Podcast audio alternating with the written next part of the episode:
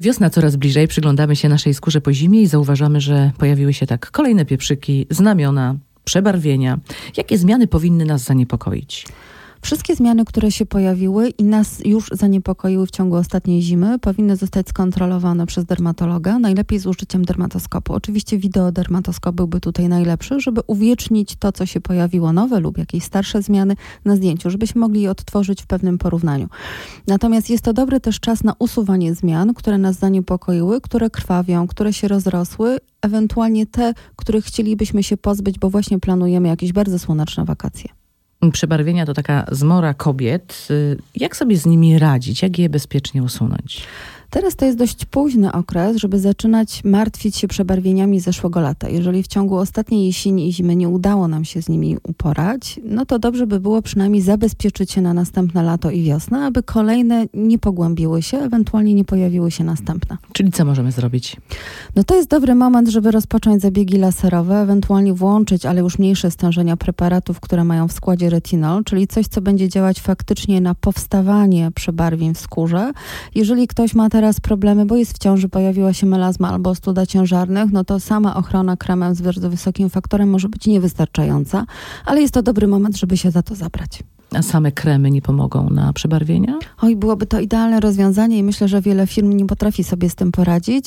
Myślę, że kompleksowe działanie, czyli unikanie wszystkich fotouczulających środków, dodatkowo niestosowanie zbyt dużej ilo ilości leków hormonalnych może nas przed tym uchronić. Zabezpieczenie się przed światłem słonecznym, obecnie jeszcze filtr z 30 jest wystarczający, ale myślę, że od kwietnia już powinniśmy używać filtrów 50. Natomiast nie ma idealnego rozwiązania. Nasza skóra po zimie jest bardzo sucha, widzimy to, łuszczymy się, możemy nawet tak powiedzieć. Co robić, by ją skutecznie nawilżyć? Samo nawilżanie preparatami tylko smarującymi, czyli zatrzymującymi wodę w skórze jest niewystarczające. To zresztą osoby, które często myją dłonie, to jest właściwie każda kobieta, może powiedzieć, że to smarowanie jest nieskuteczne, czyli my kilkukrotnie stosujemy w ciągu dnia i tego efektu nie ma. Obecnie najlepiej włączyć zabiegi mezoterapii. One dadzą efekt nawilżenia dłużej utrzymujący się i dadzą też efekt rewitalizacji która jest sucha, ona jest wtedy pomarszczona i wygląda nieco starzej. Trądzik różowaty daje się we znaki już tylko, nie tylko młodym osobom. Czy to, czego to jest wina? Z jakiego powodu?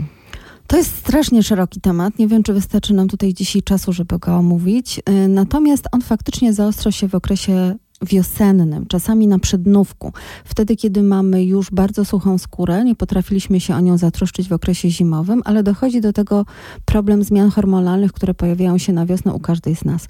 E, warto jednak zgłosić się albo do lekarza dermatologa, albo do rodzinnego, bo oni są teraz bardzo dostępni i zrobić badania hormonalne. To jest dobry moment. Tutaj nie chodzi mi o badania hormonów tarczycy, bo one są najczęściej wykonywane, ale te takie typowe, może nieistotne y, dla większości z nas problemy ginekologiczne potrafi, po, powinny być zdiagnozowane.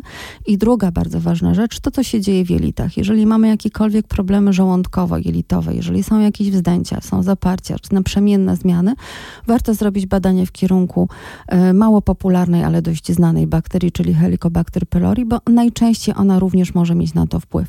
W przypadku samych zmian trądzika różowatego znowu pomocne okażą się zabiegi laserowe, które możemy jeszcze wykonywać bezpiecznie do końca kwietnia, dlatego że trądzik różowaty to nie tylko stan zapalny i bakterie, ale również skóra lekko podrażniona i z dużą ilością naczyń krwionośnych. A czym grozi nieleczony trądzik?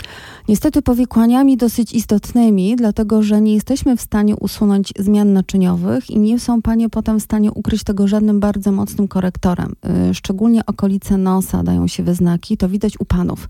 Panowie najczęściej dosyć y, lekceważąco podchodzą do tego problemu i w okolicach, gdzie jest zarost i gdzie to golenie jest codzienne, widać, że w wieku 50-60 lat ta skóra jest po prostu zdewastowana.